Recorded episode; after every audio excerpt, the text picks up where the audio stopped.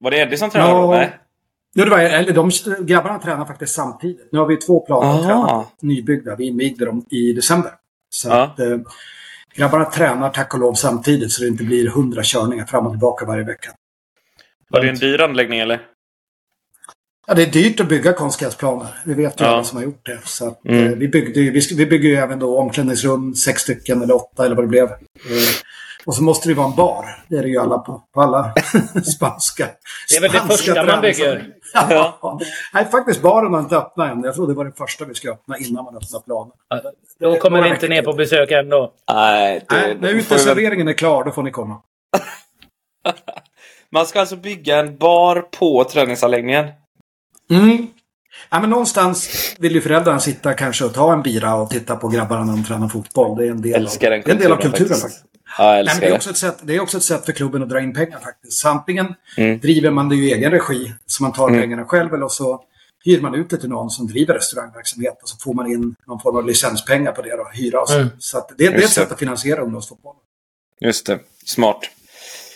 Du, eh, Gött att du är med igen. Du, du var ju med i, i finrummen eh, härom veckan i, i, eh, och snackade fotboll med Olof Lund. Och, och eh, I det bolaget där vi alla tre är verksamma i nu då. Det gör ju lite ont i magen att, att, att skills inte nämns överhuvudtaget. Eh, nej, så nej. då får du vara med här istället och stötta upp. Känns det okej? Okay? Ja, det känns jättebra. Det var, jag fick så hjärnfrys när han frågade vilka andra fotbollsrelaterade grejer är du med? Då blev hjärnan bara sluta funka. Så Men du ser ju oss som techbolag antagligen. Ja, precis. Det är tech, ja. tech och SAS pratar man ju om numera. Så att, exakt, exakt, så exakt. Att, det, ja, jag blandar ihop sakerna. Så jag fick ju bara ur med 360 players. Får de en ny shoutout här. de är ju sponsor till Skills också, så det passar Ja, bra. exakt, exakt. Men det är helt okej. Okay. Du, eh, innan vi drar igång så ska vi alltid välkomna, det gör vi, det gör vi varje gång. Och eh, vi säger varmt välkommen till Skillspodden igen! Våran kära goda vän Fredrik Wester.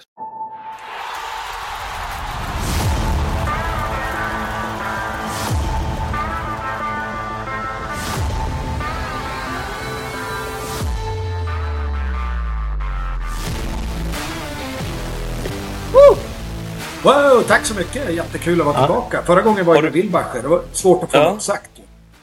Exakt. Ja, det är ingen som får något sagt när han är med. vad, eh, vad skulle jag säga? Det är väl tredje gången du är med nu, va? Tror jag. Det är tredje. Första gången ja. var det bara med bara vi tre då. Och sen så var det med Wilbacher och sen så kör vi igen nu då. Superkul Just att vara tillbaka. Det. Just det. Mycket bra. Ehm, du, vi ser detta avsnittet lite ser jag som senaste nytt från dig. Jag vill att du liksom är lite som Wilbur, äh, även en, en stående gäst hos oss där du kommer med sköna inspel och sådär ibland. Och det, det, det brukar du lyckas ganska bra med. Vad, ska vi börja med Ska vi börja med Nastic kanske? Eh, går ju ja. som tåget eh, där nere nu. Det går som tåget faktiskt. Jag tycker inte riktigt att vi når upp till den nivå spelmässigt där vi ska ligga kanske. Eh, vi har en bra trupp och vi, vi, ska vara med och slåss i toppen, vilket vi också är. Vi ligger eh, tvåa i vår liga och ettan går ju direkt upp i eh, Segunda Division, då, andra ligan. Och eh, tvåan till femman kvalar om en plats till. Så att eh, vi är med och krigar där med lite klassiska lag som Deportivo La Coruña är ju med där. Mm. Barca spellag spelar där och eh, ledarna just nu är väl Ponferradina som låg i Segunda förra året. Så, och det är tajt. Det. det. är något, något poäng som skiljer topp 3-4 och sen är det ett litet hopp ner till 5 6 så. så att vi mm. hoppas ju minst på att vi når kvalplats. Eh, mm. Och sen har vi en svensk, vi har en svensk bekanting i David Concha som lirade i Hammarby en väldigt kort session och bröt kontraktet. Jag vet inte mm. om det var den svenska vintern som knäckte honom. Kan mycket väl ha varit så. så att han, han kommer tillbaka många. hit. Ja, Eh, nej, men så han, han, har gjort det väldigt bra faktiskt. Väldigt tekniskt fin spelare. Eh, vi har eh, ett par Barca-fostrade spelare och sen så har vi ganska många eh, faktiskt i vår startelva som är lokala. Alla har inte gått hela vägen genom, genom Gymnastics egen akademi men många av dem kommer från eh, Tarragona-området och det är ju faktiskt lite extra kul. Både för publiken och för att egentligen visa att man kan bygga med, med mycket lokala talanger. Även om några har gått genom La Masia till exempel. Mm. Just det. Det är väl ändå hyfsat nära, alltså rent geografiskt. Ja, det får man säga. Alltså när, Eh, de är, de är ganska frikostiga att berätta vilka som är Masia-genererade spelare. Jag såg, jag var inne på Barcas hemsida dagen och då stod det Pedri. Då hade han en sån stamp där det stod Made in La Masia. Men killen är ju från ja. Teneriffa liksom, och kom som 16-åring ja. till Barcelona. Han hade spelat i Las Palmas A-lag ett tag. Så, mm. ja, det är klart han blir utvecklad även där, men, men väldigt generöst. De är ganska mm. generösa i Sverige med den där kopplingen också när man säger Mm. Djurgårdstalangen Lukas Bergvall och AIK-talangen eh, Jonah Kusiasar. ja. De har gjort ja. ett, ett halvår var i varje klubben och sånt. Ett år. Ja, precis. Ja. Eh, bra. Eh, hur många matcher? Ni har gått uh, strax över 20 nu va? Matcher Ja, precis. Serien. Eh, serien, har precis, serien har precis vänt. Så att eh, jag tror att om vi gör vår XG prediction, jag gillar ju statistik och siffror och sådär, mm. så ska vi hamna på kvalplats till slut då utifrån vilka expected points vi borde ta då. Om vi mm. utgår bara från första omgången. Så vi har lite fler poäng än vad vi kanske förtjänade nu i första rundan här, men om vi håller bara det snitt vi, vi förtjänade i första rundan så ligger vi på kvalplats. Och då ska, vi fylla, då ska vi fylla staden också. Vi tar ju 14 500 sittande, så det är, en, det är en bra stad, fin gammal stad. Ni, ni har ju, vi spelar in efter eh, deadline day ska sägas. Eh, idag är det fredag den 2 februari. Och, och igår var det deadline day och ett namn som var på tapeten hela kvällen igår egentligen var ju Lukas eh, Bergvall. Eh, Barca låg med jättelänge i leken och jag vet inte, jag har inte uppdaterat mig. Jag tror inte att det är klart någonting, även om det kanske är det. Men ni har ju Barca B i, eh, i er serie. Um, du tror väl att han till att börja med hade hamnat där va? Då hade ni fått möta honom. Ja, nu, nu läste jag att det blir Tottenham i alla fall. Ja. Jag, tror att det, jag tror att det är rätt val att gå till engelska mm. ligan för honom istället för att gå till Barca som är en klubb i kris på flera nivåer. Um, men, men absolut, han hade nog fått börja i B-laget och B-laget är väldigt bra. De spelar jättefin ja. fotboll, de har en bra idé om hur man spelar, bra konkurrens i truppen. Um, och sen säkert skulle han säkert få hoppa in i A-laget för de vill ju också skapa värde och behöver sälja spelare. Så att eh, de köper mm. inte någon spelare de inte har en plan för. Så att eh, Nej. det hade nog varit en blandning, men börja i B-laget. Mm. Varsågod Anders. Eh, Fredrik, är, du säger att eh, du tror det var ett bra val. Och då, jag tänker ju samma banor som jag tror du, du nämnde där. Just att den situationen hela Barcelona är i. Är det det, den situationen du tänker att det är rörigt, att det är stökigt än att han eh, skulle få eh, att han kommer få mer chanser i Tottenham. Det är inte det du tänker att det är ett bra val, mer att det är situationen som är i Barcelona du menar, eller hur känner du? Ja, om, jag, om jag ska hårdra det lite så tycker jag att um, den spelartypen, om man säger 10 eller 8 eller den, eh, är ju lite grann där känner spanjorerna att det är deras hemmaplan, att de fostrar väldigt många ja. sådana spelare. Och det kan bli en sån situation också, att man tycker att vi ska ha de katalanska spelarna och premiera dem. Um, och, och, det stämmer ju. Jag menar, vi, gick ju, vi gjorde ju en genomgång, jag och en kompis, för tre, fyra år sedan när vi såg Sverige spela. Uh, och, och, så satt vi och radade upp, det kanske jag nämnde förra gången, vilka spelare vi hellre hade haft på innermittfältet än Svanberg och Ekdal som spelade den matchen. Och vi kom väl upp i ett 30-tal namn innan vi gav oss. Så det här var det är många ändå, Wester. Ja, men det blir många. Och då, på den tiden spelade ju även Iniesta, även om han då var 37. Och sen så kom ju David Silva upp, som förmodligen om han inte hade varit skadad fortfarande håller hög klass. Han är 37 nu. Men han la ju av på grund av skador. Så han var ju i Sociedad på slutet och var grym. Alltså riktigt, mm. riktigt bra. Mm. 37 ja, ingen ålder, Anders. Det är ingen ålder, men det är lite som du är inne, inne på Fredrik. Den spelartypen. Jag tycker Lukas Bergvall är fantastisk.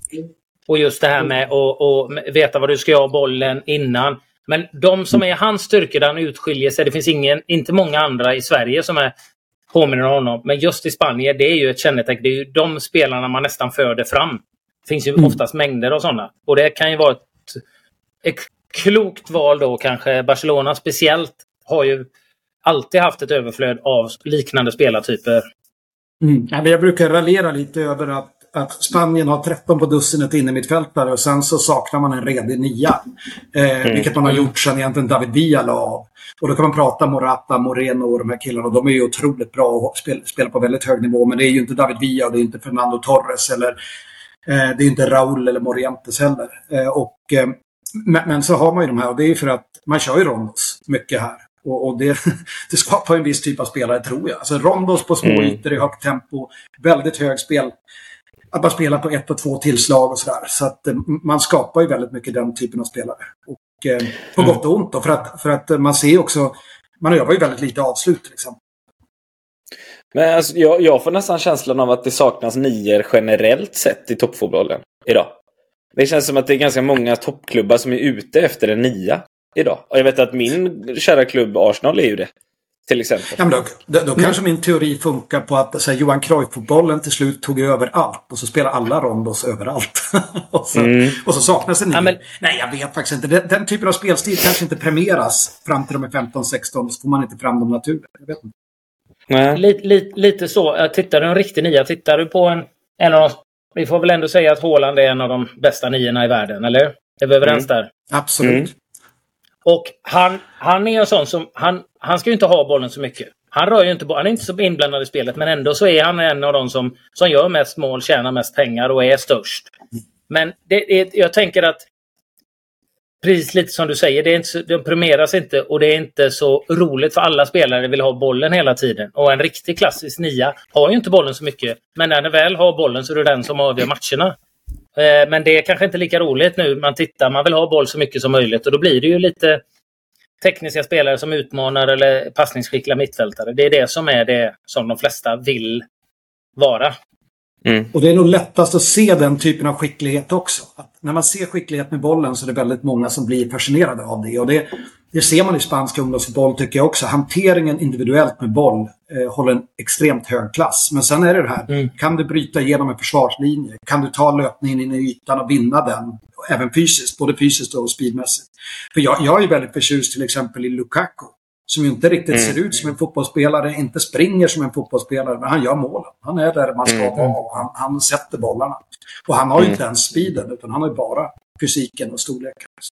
Och lite annat han, han, han, har, han, har, en hyfsad speed ändå får man säga. Det, det, det, känns inte som att det är sirap direkt när han vänder sig om och bara, och bara sätter fart liksom. Men jag hör vad han säger. Det är inte Afonso Davis eller liksom. Det är inte, det är inte där nej. man klippa honom huvudsakligen. Men, nej, men visst, absolut. Nej, men, nej, Han är snabbare än Zlatan, vet jag. Ja, det är han. Han, är, han känns ju som en stark, stor, stark nia som inte mm. behöver ha boll så mycket. Utan han kan vara där inne och stångas och liksom Eh, sen Nej, har jag haft en del otur men eh, med, med, med mycket missade avslut och, och eh, hård kritik. Men jag, tycker, jag håller med dig, jag tycker också det är en bra nia. Alltså. Mm. Nej, men min, min äldste son spelar nia. Eh, och eh, han får instruktion av sin tränare. Du ska inte ta några touch i straffområdet, säger jag. Och det, det är väl ganska tydligt. Det är så här, varje gång man har bollen, det är bara att skjuta. Skjut eller passa. Ja. Det är det enda som ja. är instruktionerna. Håll inte på att dribbla och plocka runt bollen och sådär. Så det, det är bra. Mm. Nej, vi, eh, jag tror det var inte bara enskilt Jesus, jag minns fan inte. Men Arsenal hade ju 76 bolltouch i offensivt straffområde utan att göra mål där för typ tre omgångar sedan eller något sånt där. Jesus hade väl 40 procent av dem. Eh, så att, men jag tror det saknas generellt och om jag får ställa en fråga till er båda gällande liksom nior eller positionsspel överhuvudtaget. Vi pratar mycket om att individanpassa träning, men vilken ålder tror ni att man behöver positionsanpassad träning? Oj. För det, det, det, kan vi väl skriva under på att i ung ålder så kan det vara bra att testa ganska många olika positioner. Dels för att bygga på en spelförståelse, för att förstå sin, sin kollegas roll eh, och veta vilken position han är i när han får bollen i vissa lägen och så vidare. och så vidare. Men när ska, när ska man bryta ut och liksom jag som nia få lite extra avslutsträning eller djupledsträning eller sådär? Eh, behövs det, här, det, alls? det här har, Ja, det tycker jag det behövs. Nu, jag tränar, mina, mina killar är ju 13, blir 14 i år.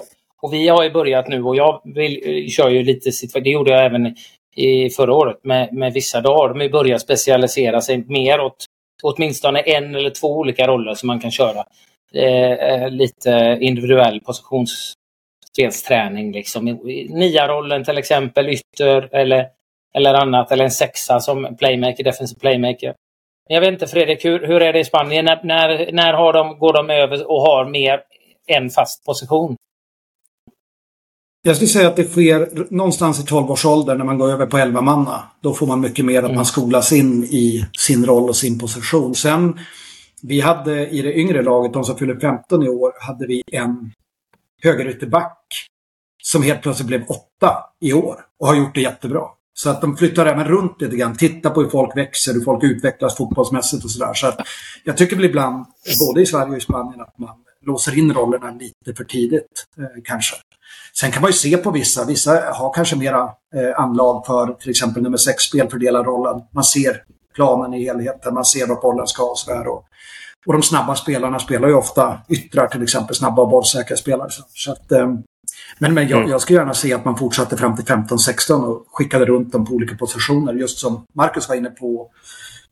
Utveckla både så man förstår eh, de andra positionerna, men också förstå hur man själv ska röra sig i förhållande till mm. Det tycker jag också är, är väldigt viktigt. Att ha förståelse för de olika rollerna, olika positionerna och kunna samarbeta på ett bra sätt. Endast i träning då eller? Nej, det kan jag tycka även, även i matcher. Och, men det, det, är också intressant att se. Guardiola är ju ett praktexempel på det när han kom till Bayern. Han inte hittade den här perfekta sexan. Han hade några men ingen, ingen funkade som han tänkte sig. Så skolade om eh, Philip Lahm. Som han sa... Var... Ta bort bara några centimeter. Ja, tack. Ja. Sorry. Nej, men, eh, Guardiola när han kom till Bayern, han hittade ju ingen sexa som var den här organisatoriska mittfältaren. Och så eh, provade, var det, var det ju någon eh, i hans ledning som eh, föreslog eh, Philip Lahm. Och prova mm. där och det föll ju otroligt bra ut. Mm. Eh, så, och då, ändrade man, då, var han, då var han ju ytterback innan. Mm. Man ser egenskaper hos spelare som kan fungera i, i andra roller. liksom. Mm. Och Exakt. Det krävs ju en del av tränarna att kunna se det. Vilka egenskaper vill jag ha på olika positioner? Mm. Så att... Exakt.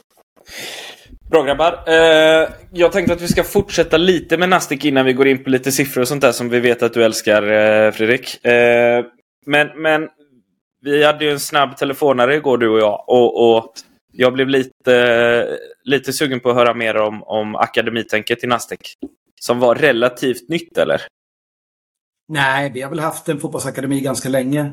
Eller, ja, men själva strategin och idén va? Inte den lite omjobbad? Vi, vi, har jobbat om ganska mycket saker i metodik och utveckling så att alla lagen jobbar väldigt lika. Så inte varje tränare kör sin egen grej. Vi har väldigt bra ungdomstränare så det är inte det som är problemet. Utan mer att man ska känna igen sig i hur vi tränar och så tränar man med ett syfte.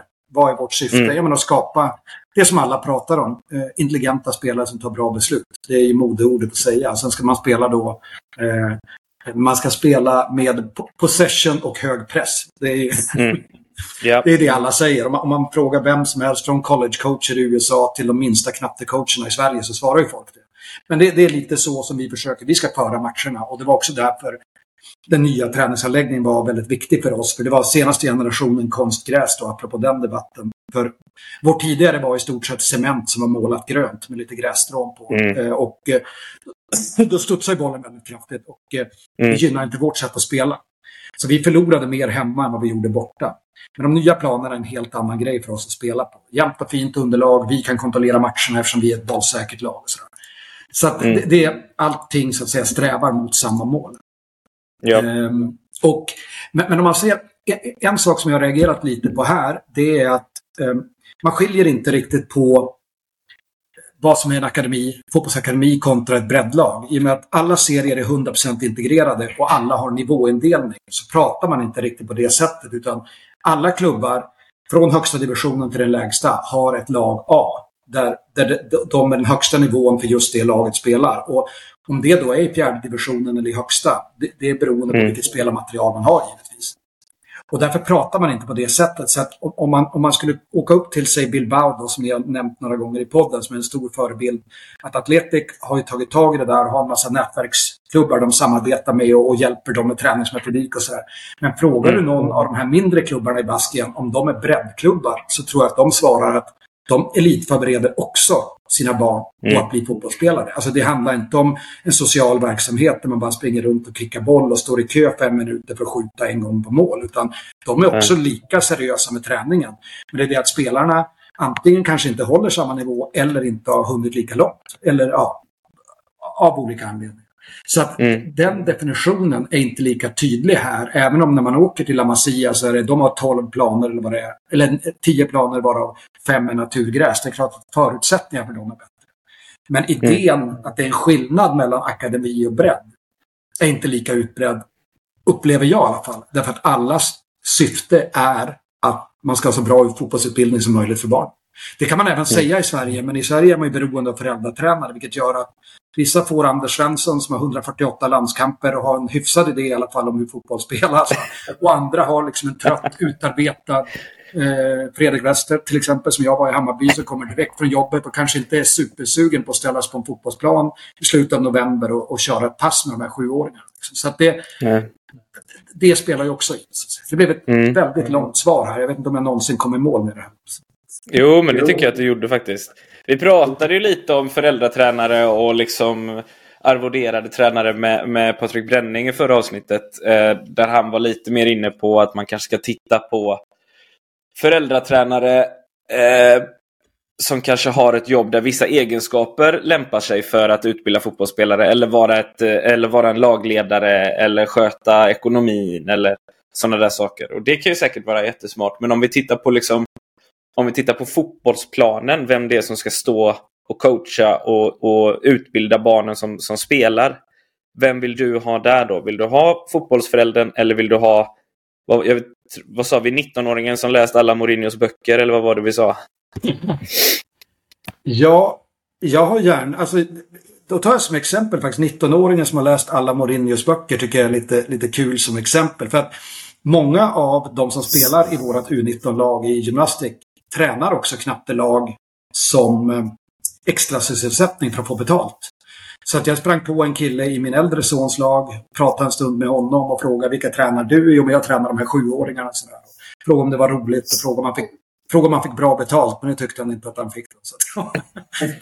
men, men, nej, men poängen är ju också att han får i sin tur utbildning av eh, av klubben då, i hur ska man leda en mm. träning, hur ska man göra? Och jag vet att ni var inne på hur pratar man med barnen och sådär. Och det tror jag är väldigt individuellt eh, från mm. person till person också. Jag var väl inte alltid världens mest pedagogiska när jag ledde ungar heller. Man kanske hade haft en jobbig dag på jobbet och kommer direkt från ja, något stökigt möte och sen så ska man hänga på sig ja, ja. Hammarbydressen och ut och köra. Och det är ju kanske inte bästa förutsättningarna heller. Utan den här killen, han, han kör först träningen med sjuåringarna och sen så går han direkt in i sin egen U19-träning. Det, det tycker jag är bra. Det är också ett sätt att skapa mm. klubbsammanhållning. Eh, han får ett sätt att inte försörja sig men i alla fall få en extrainkomst och sådär.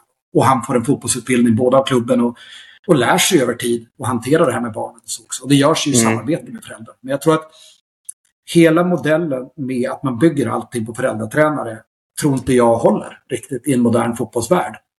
Om man har som syfte att utbilda bra fotbollsspelare för elitförberedande verksamhet i alla fall.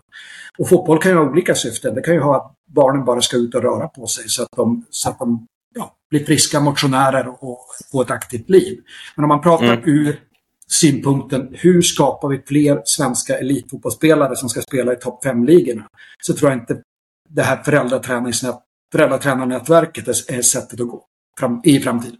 Utan jag tror att det är, kanske inte 19-åringar, men säg 25-30-åringar då som får betalt för att göra det här. Så får man lösa den kostnaden på ett eller annat sätt. Jag tycker också att eh, klubbarna i Sverige tittar ofta på farbror staten eller, eller kommuner och säger, hur ska ni lösa det här?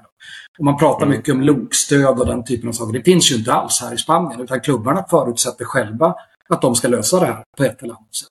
Med den kostnad som föreligger, med de planer som finns och sådär. Då får man hjälp av kommunen med planerna i och för sig. Men det är en helt annan inställning till det.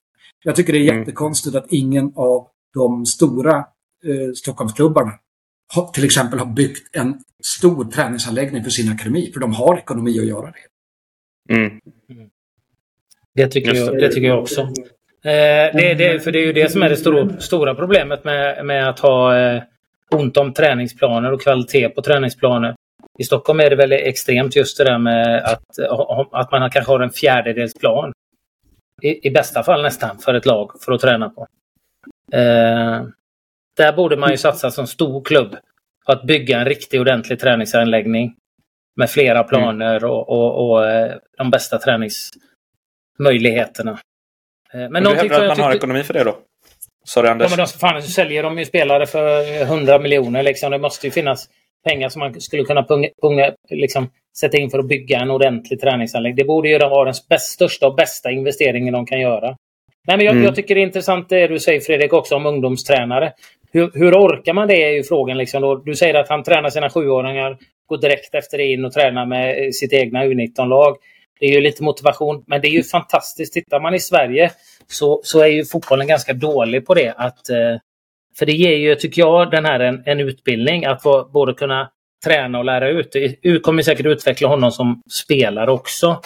Och i, tittar man i Sverige så har du till exempel gymnastiken. Där är ju de otroligt duktiga på att få de äldre gymnasterna att bli uh, ungdomsledare och, och utbilda de yngre, yngre barnen. Men i fotbollen ser du ju sällan det i Sverige att de här som du säger 18, 19, 20-åringarna tränar faktiskt ett yngre lag.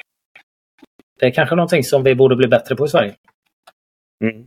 Ja, men det finns, nog, det finns nog saker att plocka upp där tror jag. Och det, det, det har ju mycket med klubbarna och deras, eh, deras tankesätt att göra. För jag tror det skulle vara ganska enkelt att fixa som en del av, säg U19 eller U23-truppen och sådär. För att många av dem är säkert intresserade av kanske att bli tränare, säg när karriären är över eller liknande, att fortsätta jobba inom fotbollen. Och då är, ju, då är det ju någonstans så att man börjar ju i ungdomsleden. Men jag tycker också att jämför man med, säg Ajax, som eh, jag hörde när Mattias Elhar var hos er och pratade att han mm. såg Dennis Bergkamp gå och plocka koner på pojkar 12. Eh, och i Sverige är det en annan grej. Alltså, ja, det är fantastiskt. Alltså, du ska inte tro att du går rätt in och tränar Ajax U19 som ändå håller en enormt hög nivå. Utan du får börja från grunden. Du får börja på första elvamannalaget och träna dem. Och så går du uppåt i åldrarna och visar att du kan träna. Och så där. I Sverige ja, då kan väl någon kanske tänka sig en gammal elitspelare och ta ett U19-lag för att sen bli A-lagstränare. Ungefär på den mm. går man in med den inställningen. Mm. Och det blir ju, men det har väl också att göra med att eh, hela ekosystemet för tränare i Sverige är ganska litet. Så det finns inte mm. så många att plocka av. Och sen gillar man ju, man gillar ju kändarna. Det kanske man gör i andra ja. länder också. Men jag tror att i Sverige är man väldigt förtjust och plocka hem lite gamla spelare som hade stora namn för 15 år sedan som man kanske har romantiserat upp lite grann i hur bra de egentligen var. Och så mm. Kan man det också. Men det är också att det räcker oftast att någon har lyckats med liksom Bo FF pojkar 13 så har man ett namn ibland. Att så här, nu plockar vi, nu plockar vi den personen till vårt lag känns det som. Eh, att det räcker där liksom. Det, det, det där har vi varit inne på innan att, att det där är en kulturfråga eh, som, som klubbarna måste styra lite tycker jag. Vad, vad det är att lyckas för ett pojkar 13-lag eller flickor 13-lag. Eh, hur många klev vidare, hur många tog steget och så vidare. och så vidare. Det borde ju vara måttstocken istället för hur ofta de har vunnit en fotbollsmatch egentligen. Eh, och hur förberedda de var. Sen är det viktigt, vet jag att du tycker också, att det är viktigt att vinna. Och vinnarkulturen liksom, eh, är ju också viktig såklart. Men innan vi, innan vi går vidare från akademin eh, så är det ju så att eh, Spanien har ju inte någon akademicertifiering på samma sätt som vi har i Sverige. Inte någon alls överhuvudtaget va? Inte som jag förstår det. Jag, jag kontaktade ju katalanska fotbollsförbundet för att kolla om man kunde få någon certifiering och de visste inte riktigt vad jag pratade om så jag ställde om frågan ett par gånger. Och han pratar ju engelska, tack och lov, han jag kontaktade. Annars hade blivit ännu mer förvirrat. Så nej, men han menar då att det är upp till klubbarna själva om de vill ha bra utbildade fotbollsspelare som de tar fram. Och sen antar jag då, det, det har jag inte riktigt detaljkoll på, att, att förbundet kan stå för ett antal olika utbildningar. Jag antar att de håller i de här Uefa-licensieringarna och sådär. Men eh, som certifiering betraktat är det ingenting som man håller på med, i alla fall inte i katalansk fotboll. Det kan ju se annorlunda ut i Madrid eller i Andalusien. Just det. Så du tror inte att det egentligen behövs i svensk fotboll, eller? Jag tror att det huvudsakligen är en pappersprodukt som mm. kanske till och med, om, det, om man i värsta fall, om man ska vara djävulens advokat och tänka värsta eh, worst case, så tänker man att nu har vi vår certifiering, nu är jobbet över.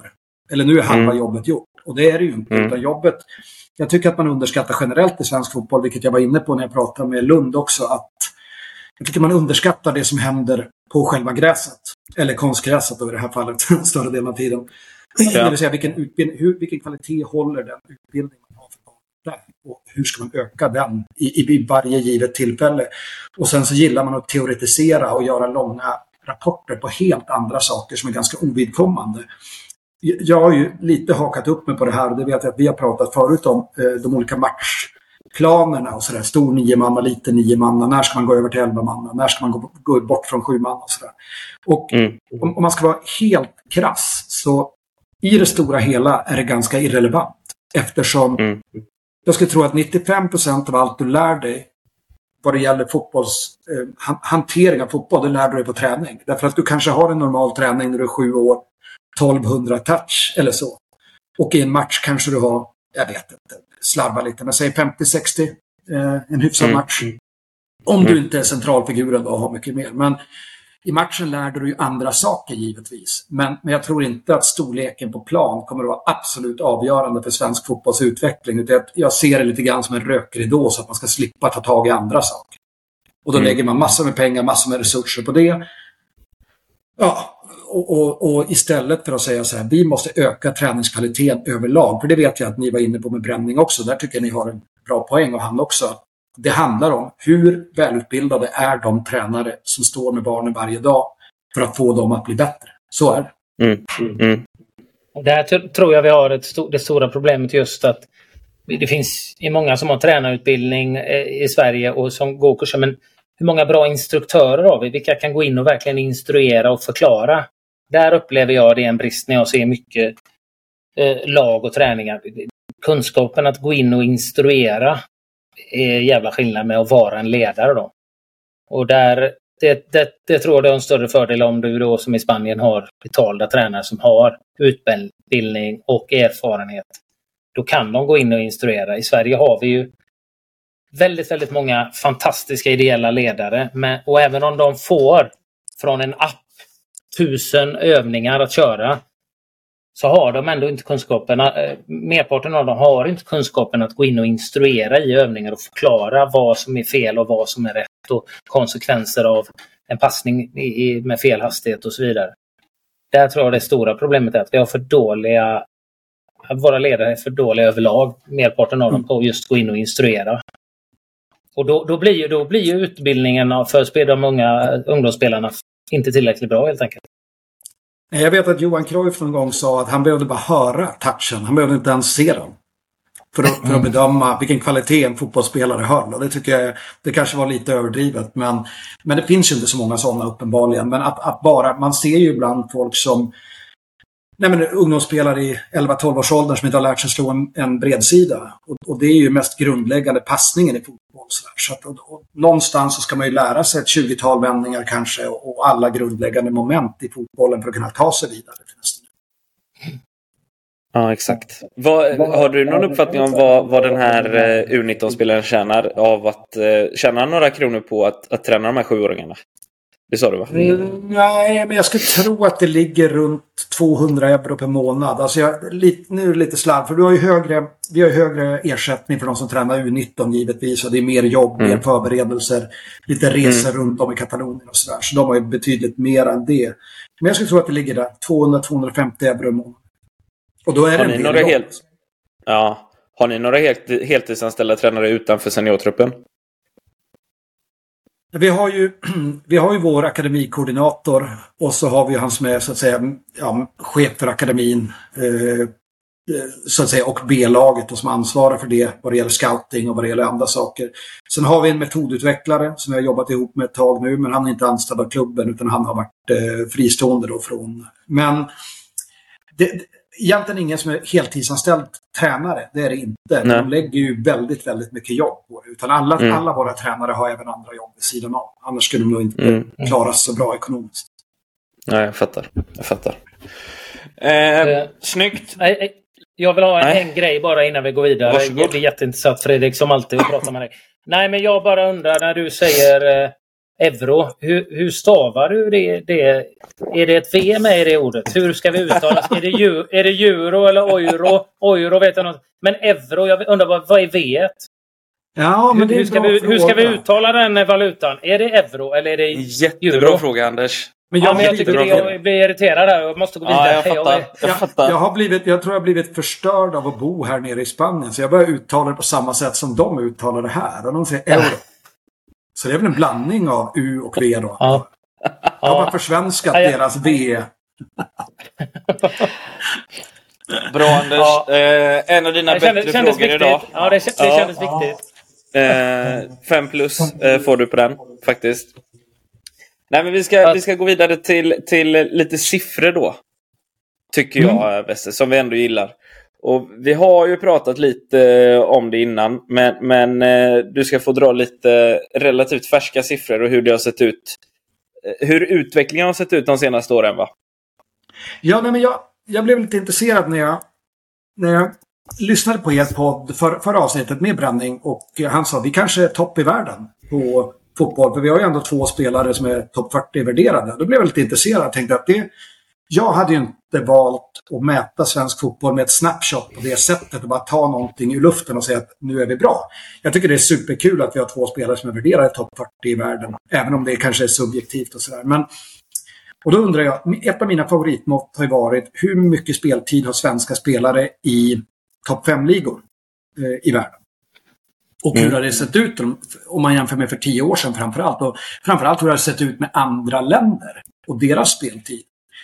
Och eh, 2022-2023 säsongen så spelade svenska fotbollsspelare eh, 19 719 minuter i topp 5-ligor medan man för tio år sedan spelade 27 506 minuter, vilket är ett tapp på ungefär 34 procent. Eller vad det blir om man mm. räknar snabbt. Och då kan man mm. diskutera, det är faktiskt fler spelare. Det är 26 spelare istället för 19. Och det kan ju ha att göra med massa olika saker, för det ser man samma trend även på eh, eh, danska och norska spelare. Det är fler spelare, men inte nödvändigtvis, eh, eller i deras fall också även fler minuter, med färre minuter per spelare.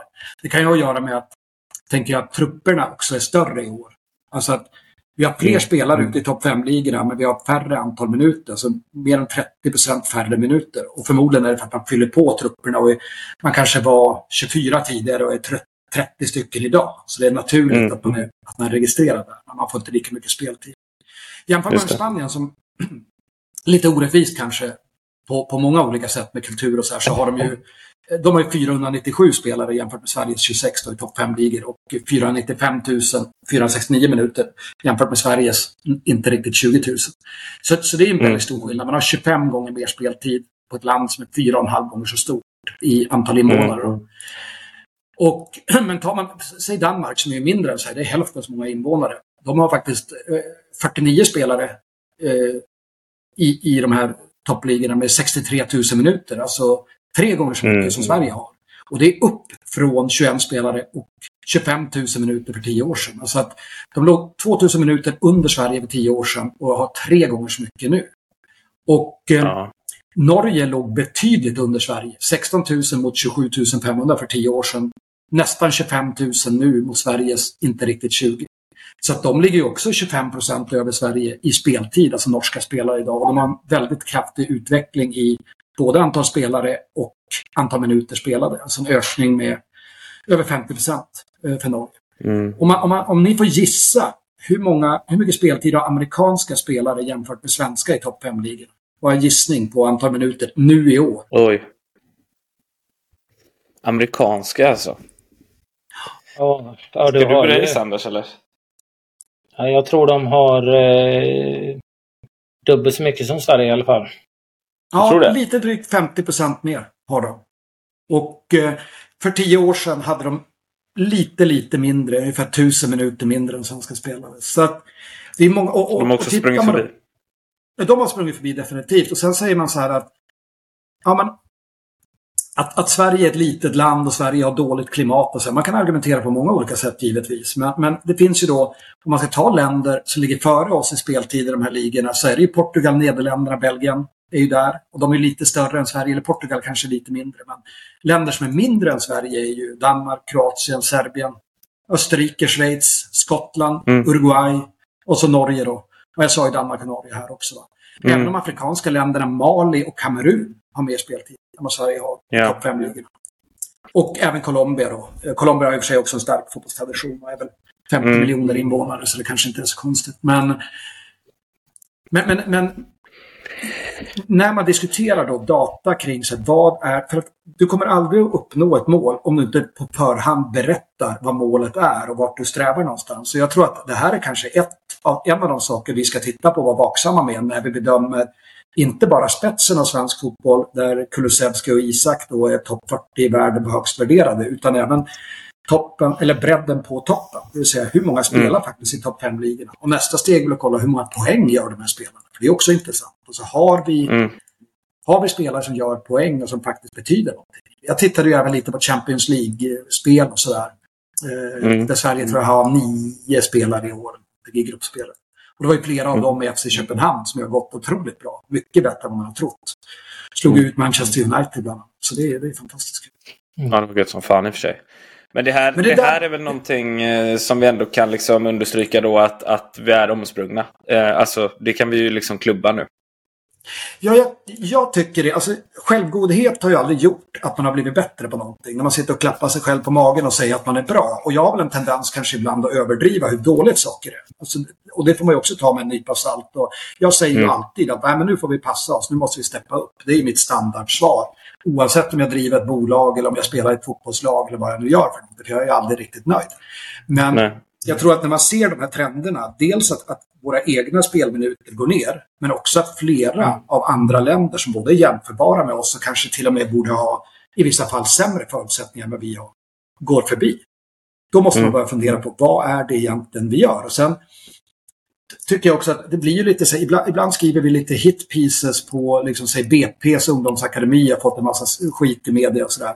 Men varifrån kommer landslagsspelarna idag? Och många av de absolut bästa fotbollsspelarna. Om man tar Dejan Kulusevski som exempel, är ju han uppfostrad där. Och även mm. då om man, både Lukas Bergvall och Jona Kusiasare har ju faktiskt spelat i BP egentligen hela sitt liv. Fram till senaste mm. säsongen när de gick till AIK och Djurgården. Så jag tycker att istället för att slänga skit på BP för sättet de hanterar saker så skulle man vara mer nyfiken och tänka, men gud, hur gör de egentligen? Sen så finns mm. det givetvis då sätt att hantera barnen och sätt att hantera familjerna som säkert går att förbättra utifrån BP också. Men man måste mm. ju ändå på något vis erkänna att det här är Sveriges mest framgångsrika klubb i att få fram elitfotbollsspelare. Ja ja. Framförallt, framförallt unga, unga spelare också. Det, det, det som jag tycker var, var intressant från eh, podden med Bränning. Som jag kan oroa mig lite grann för just Sveriges närings, eh, plats i näringskedjan. Just det här att, och nu, nu är det ju verkligen så när man säljer, vad är det, var det tre stycken unga spelare liksom som man säljer för typ 100 miljoner per spelare liksom. Eh, både Häcken, eh, AIK och eh, eh, vad heter det, Djurgården. Djurgården. Det, det är just mm. det här hetsen då som kommer att bli det svenskan är. Vill du ha så, bra, så, så många bra fotbollsspelare som möjligt eller vill du satsa allt på att få fram en 18 år som är så bra som möjligt? För det är då vi kan tjäna lika mycket pengar som typ till, till att ta oss till Champions League. Vilket gör att det blir ännu hårdare träning tidigt, ännu mer selektering tidigt. Så om du inte är bra vid 18 så är du inte värd någonting för det är de vi tjänar pengar på. Förstår du vad jag menar? Det är också en farlig... Det, det, det är bra om vi kan få fram jätteduktiga 18-åringar, jag fattar, fattar det, men det är, inte, det är inte fel att få fem, sex spelare som är riktigt bra vid 22, 23, 24 års ålder heller. Eh, det risken är att väldigt många kommer satsa stenhårt på att de ska vara som bäst när de är 18. Då tjänar vi pengar. Absolut. Lite orolig för det. Nej, men ett, ett, en sak som också är oroväckande när man tittar på trenden i svensk fotboll är ju rankingen på allsvenskan. Och det gör ju att unga spelare som håller en väldigt hög nivå, eh, som de här spelarna vi har pratat om nu, eh, de vill ju inte stanna kvar av den anledningen. Hade allsvenskan mm. varit rankad 10 i världen, eller kanske till och med 15 i världen så kanske det hade varit ett alternativ. Man hade spelat mm. kanske i Europa League eller man hade kanske ja, fått bättre motstånd varje vecka. Och fått en bättre möjlighet att utvecklas. Ja, och re precis. Regelbundet möter man riktigt bra fotbollsspelare. Och så har det väl inte riktigt sett ut de senaste 15 åren. Och nu såg jag att Sverige hade sämst eh, Europakoefficient av alla länder alla länder i hela Uefa utom Serbien. Vi låg på samma där eftersom vi blev utslagna i stort sett i varenda kvalmatch och tog nästan inga poäng överhuvudtaget. Så nu är väl risken att vi halkar efter eh, även Rumänien och, och blir 25 på den där listan. Eller sa jag 25 kanske blir 26 jag kommer inte ihåg. Mm. Men det är det där att trycket underifrån att, att få fram bra spelare finns inte riktigt heller. Det jag pratar om, alltså bredden på toppen. Att vi får fram en del spelare vi kan sälja väldigt dyrt. Sen försvinner de och sen så har vi inte riktigt de som ska fylla på det bakom. Tyvärr. Nej. Nej. Och då blir det väl en fråga mer om eh, vad, vad svensk fotboll vill göra. Egentligen. Ja, För just nu så en, spretar en annan, det ju mycket. En annan lite, lite så attitydfråga som jag, som jag har märkt här nere också, som är väldigt stor skillnad. Jag, jag har hört några poddar, jag vet inte om, om du var med där också Anders på ett hörn och pratade om så här, när akademier stjäl spelare så blir, så blir folk i, i ens lag lite omotiverade och tycker det är tråkigt. Och min yngre grabb, de förlorade ju två spelare eh, inför den här säsongen. En till Espanyol och en till Girona. Och vi kan ju inte riktigt tävla med dem. Det är La Liga-klubbar med, med mycket, mycket mer resurser än vad vi har. Och de stjäl ju spelare hela tiden från oss. Espanyol är ju på oss varje säsong och tar mellan tre och fem spelare.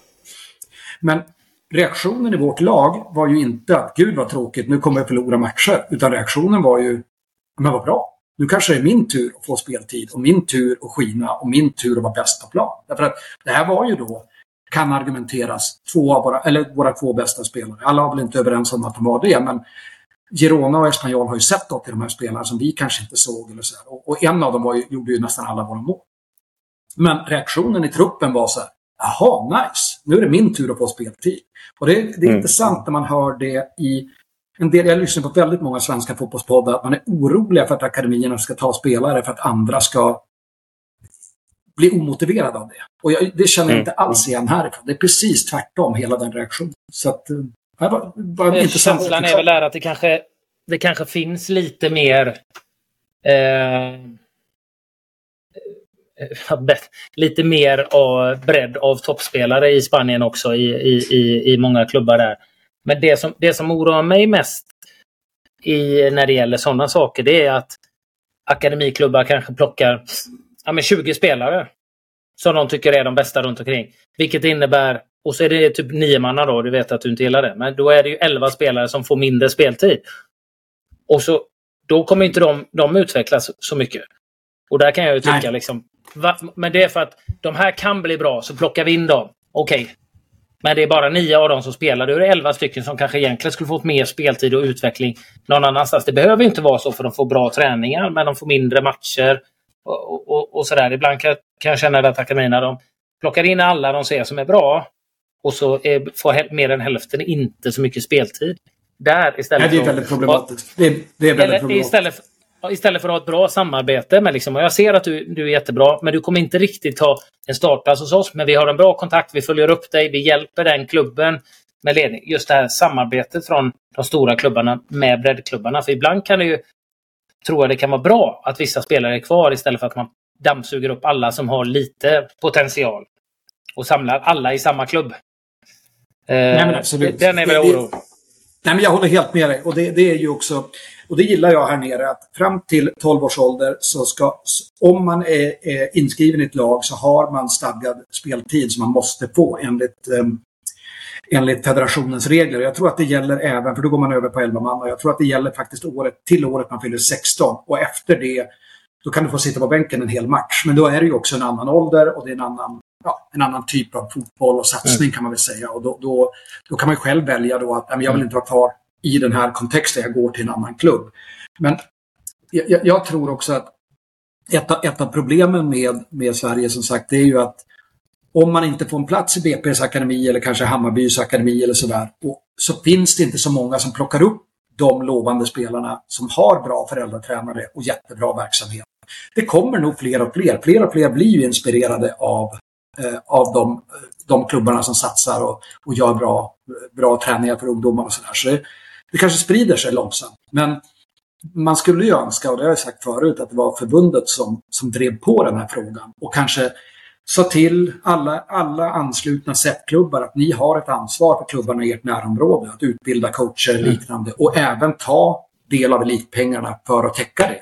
Så kom vi in på det här med vilken typ av, av fotbollsspelare vill vi utbilda i Sverige och hur ska vi göra det genom de här eh, ja, förhoppningsvis då blivande välutbildade, eh, motiverade tränarna som tränar då i de här, även i breddklubbarna. Mm. Så att säga. Och då, då får de i stort sett samma träning som akademiklubbarna har i Sverige, men i en annan miljö. För egentligen är inte akademier ett självändamål. Det är ju hög nivå på träning som är självändamål. Precis. Exakt. Exakt. Eh, bra gubbar. Eh, vi börjar eh, rulla ut mot eh, sluttid. Eller som de säger i en annan eh, favoritpodd till mig. Vi rullar in mot eh, perrongen. Eh, men vi har inte diskuterat eh, en sista sak och det är ju förbundskaptensrollen för svenska herrlandslaget. som jag tycker är direkt pinsamt att det inte är löst. Eh, faktiskt. Alltså det är ju sån jävla skämskudde på det. Så att det finns inte. Var, eh, vart står ni eh, i den frågan och vem vill ni se? Anders har ju tackat nej redan, så det är väl inget alternativ antar jag. ja, hade, du fått, tagit, hade du tagit det? hade du tagit det, Anders? Alla dagar i veckan. Jag hade gjort asbra också. Så men, ja. Jag, jag, jag hoppar in som jag... assisterande där då, tror jag. Ja, ja, ja. ja. Jag hade tagit in dig direkt. Du och jag sitter bara och gnälla på allt. Nej, jag, jag har inte eh, den erfarenheten och kompetensen att göra det. Men eh, eh, absolut, hade jag fått frågan hade det varit möjligt att ta vem som helst. Nu har ju inte jag pro-utbildningen sista steget, så det är meningslöst. Eh, mm. Men eh, ja, är det... Eh, ja, jag vet inte. Jag har ju några... Ja, tankar som jag tycker har varit intressant. Men eh, det kommer inte funka heller. Jag har ju sagt Jonas Tern från början, men det är inte, det är inte aktuellt. Han kommer aldrig vara med. Ja, han, han vägrar gå utbildningarna bara för att... Eh, ja, så, att, så det, det, är ju kört. Ja. Eh, men jag tycker det är kul om man går utanför boxen och man inte tar de här som är stöpta i samma form som man har kört eh, jämt utan att man hittar något nytt. Graham Potter hade varit fantastiskt men det är klart att han, vad sitter han på 80 miljoner eh, om året från Chelsea så tror jag inte han tackar nej till 2,5 miljoner från Svenska fotbollsförbundet istället. Det, det tror jag inte många hade gjort. Skön, skön avbetalningsplan de har mot honom antagligen. Men Fredrik, har du några tankar där? Men min känsla är nämligen att jag, jag, skulle vilja se att, att de inte går på typiska folk och då menar jag de här som, som, är, som egentligen har gått i sina mentorers fotspår. Liksom, eh, utan att man hittar någon, lite nytänk och så. Jag tyckte Olof Mellberg varit intressant. Men det vart Jag håller så. helt med om Mellberg och jag tycker att Sverige har väl aldrig riktigt haft en tidigare elitspelare som förbundskapten. Eh, på det, jag vet inte hur högt Tommy Svensson nådde i och för sig sin karriär. Jag var ju för, för ung för att veta det tror jag.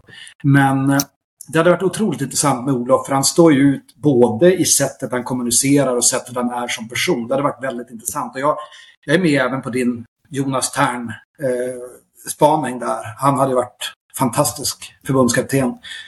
Eh, jag tycker Jens Gustafsson, det lilla jag vet om honom, tycker jag han verkar spännande också. Nu har ju han, jag undrar hur det blev med förbundet där han sa upp sig som U21-kapten efter en match. Så det kanske, jag ska inte lägga mig i deras relation, men jag antar att någonting hände där. Så det kanske inte är aktuellt av den anledningen. Men som du säger, det vore intressant. Sen så, så vi har ju, det är en fantastisk tränarsilly i år. Så det blir ju Mourinho mm. och Klopp. Och ska vi se om Guardiola är kvar. Pochettino kanske hänger löst i Chelsea och sådär. Och Graham Potter mm. säger du. Nu, nu är Sverige ganska långt ifrån att ta någon av dem, men det skulle vara otroligt häftigt att bara säga så här, men nu ska vi satsa rejält med pengar på att ta in ett etablerat utländskt namn. Vi har ju aldrig haft en utländsk eh, förbundskapten i Sverige. Och så sätter vi José Mourinho på det här och så kör vi. Och så ser vi vad som händer. Det, det hade jag, jag hade stött det alla gånger i veckan. Då hade jag kunnat jag ska inte säga att jag hade stått för en del av kostnaden, för det är så långt är jag inte beredd att gå. Men, men inte långt därifrån. Alltså. Nej, men jag, jag, tror att det skulle vara kul för svensk fotboll att uppleva någonting som var en omskakning lite grann. Som var så här, oj, det där var oväntat. Hur ska vi förhålla oss till det här? För att det har varit eh, lite lite tråkigt och förutsägbart kan jag tycka. Å andra sidan gillar jag när det är lite kaos. Så då, man kanske inte ska lyssna på mig just den här frågan. Ja, jag fattar. Jag fattar. Jag eh, vidhåller eh, Fredrik Ljungberg plus en till. Eh, vad har Ljungberg, men, vad Ljungberg för bakgrund som tränare? För han körde i Arsenal några matcher han har Ja, dels var han inte i... Ja, han var väl ass i Wolfsburg tror jag. Sen var han ju interim med Arsenals eh, senior, med seniorlaget där. Sen så har han varit tränare i deras akademi också. I tror han följde med Enketia och Saka och gänget i två, tre år i alla fall. Eh, uppåt. Eh, så att lite tränarbakgrund har han ju och en, en, mm. han har mm. nog fått en helt okej okay utbildning av, av Mr Wenger också, skulle jag tippa. Eh, så att, och det får man liksom inte... Eh, jag vet att jag och Wilbacher hade en ganska bra diskussion om det och jag fattar vad han menar också, men Fan, han plus en till tror inte jag hade varit så jävla dumt alltså. Eh, han har ju ändå Från... erfarenhet från den absolut högsta nivån. Och, eh, en tårtgripande figur.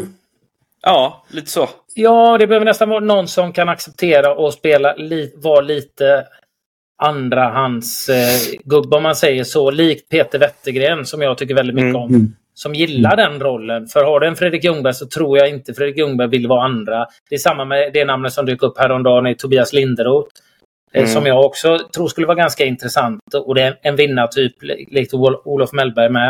Eh, men Eh, han, Tobbe skulle inte va, eh, vilja vara assisterande. Det var, vet jag var när han var frågan i Elfsborg. Då, han liksom, då blir han passiv istället, vilket inte passar honom. Så att, eh, du ska, måste ju hitta en rätt kemi mellan två då. Och det, Mm. den är väl inte helt enkel kanske. Mel- Mellberg, Ljungberg alltså. Då, det hade varit en Ja, intressant då är vi hemma eh, sen. Det hade, dubbelkommando. varit va? int- det hade varit intressant i alla fall. De bara slåss på bänken. Jajamän, det hade varit något. Vi får, vi, får ju fort, du får, vi får fortsätta jaga in Ljungberg till podden nu. Nu måste han fan vara med surra lite. Mm. Så att det Mm. händer någonting. Tycker jag. Får vi ställa honom mot väggen och fråga. Kommer du bli förbundskapten? Ja eller nej? Det räcker så tror jag. Nej, bra grabbar. Eh, Anders, är du sen till happy hour nu eller? Eh, ja, jag håller på. Det, tiden håller på att rinna ut. vet du. De stänger snart eh, baren här. Så att, eh, det är riktigt. Nej, idag ska, jag på, eh, idag ska jag på öns bästa restaurang. Det är tydligen någon svensk, eh, jag tror eh, svensk Michelinkock som har, eh, driver någon restaurang här. Som vi ska prova Ah. i, ikväll. Det är ingen Michelin-restaurang nice. denna, men ändå en av de bättre där de köper in lite kött och sånt utifrån och gör en grym tonfisk tydligen. Så det kan det bli att prova ikväll. Mycket bra. Låter skitbra. Låter Vad står på ditt schema idag, Wester? Nej, det är inte mycket alltså, utan eh, ganska lugn dag faktiskt. Så sitta Skönt. och svara på lite e-mails och sådär. Sen så går man väl in på happy hour om Så ja. 6-7 timmar. Startar väl. Fan vad fint. Men Fredrik, du meddelar oss när uh, uteserveringen tänkte är så- färdigbyggd ja. va? Så att vi kan komma ner. Jajamän. Jag, jag säger till, vi får väl ha någon form av invigning där och, och köra hårt. Ja. Och sen så, jag menar, om, om gymnastik går till, till slutspel så då får vi anordna något event här nere också. Går vi upp, har vi chansen att gå direkt upp genom en match, det, då fyller vi stadion och då kommer det att vara party. Liksom. Så att, eh, då får vi se till att ha en svensk delegation på plats som rapporterar om allting som Exakt. händer här nere. Ja, det måste det ju vara. Det måste det, ju vara. vi. Måste det Jag vara. har tips på ett par som kan åka faktiskt. Mm. Ja. Frivillig? bra. Ja, jag kan också tänka mig att faktiskt ställa upp. Vi offrar oss. Nej, Ja, mycket bra. grabbar. Eh, ha en underbar helg så, så hörs vi hela tiden. Eh, och ses snart hoppas vi. Ja, detsamma. vi, kommer inte, vi kommer inte prata med varandra nästa vecka, Marcus, efter, oavsett resultat på söndag kväll eller söndag eftermiddag. För Är det det, någon match på söndag? ja, det är tydligen Arsenal ska köra över Liverpool tydligen. Ja, nej, det Just. kommer inte ske. Men du, Ja, spelar så, han... ja, så är, tror jag det blir. är Salah kvar i Afrikanska mästerskapen eller åkte de? De, de åkte ut och han är skadad. Just det, så var det. Men jag såg att De i kvarten var det... Det var inget lag från förra gångens Afcon som var kvar i kvart, alltså som var i kvarten nu. Det är helt nya kvartsfinallag. Man älskar ju Afrikanska Mm. mästerskapen på grund av det. Alltså det är ju Ja. helt totalt kaos. Totalt Ja, oförutsägbart. det, ta, ta Elfenbenskusten som vars, eh, de gjorde ett katastrofgruppspel. Lyckades.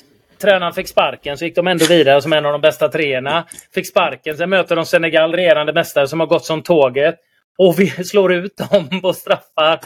Så jag menar, det är underbart. Det är samma Marocko som gjorde så bra i VM. Eh, åkte ju också ut. De är också storfavorit och åkte ut på straffar. Så, nej, Ja. det, det kan hända vad som helst där. Mm. Ja, det är riktigt oförutsägbart. Man får följa lite noggrannare nu. Jag har varit dålig. Eh, Och så är det ju Mm. asiatiska samtidigt va?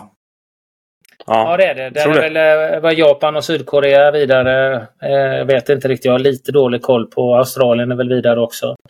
Så att, Mm. eh, mm. Mm. Nej, Det är bara att kämpa gubbar. Vi har mycket fotboll att kolla på. Ja, jag, jag får väl följa då matchen på... Jag får följa matchen också då i helgen. Det blir spännande. Ja, det blir nog inte mycket att se. Det är två, två ganska tråkiga lag faktiskt. Som, framförallt ett, eh, skulle jag säga. Och så är Arsenal med också. Det är så onödigt. Du kan ju inte säga Liverpool ändå nio mål på två matcher. Ja, jag är livrädd för söndag. Blir Nej, jag tror intravenöst.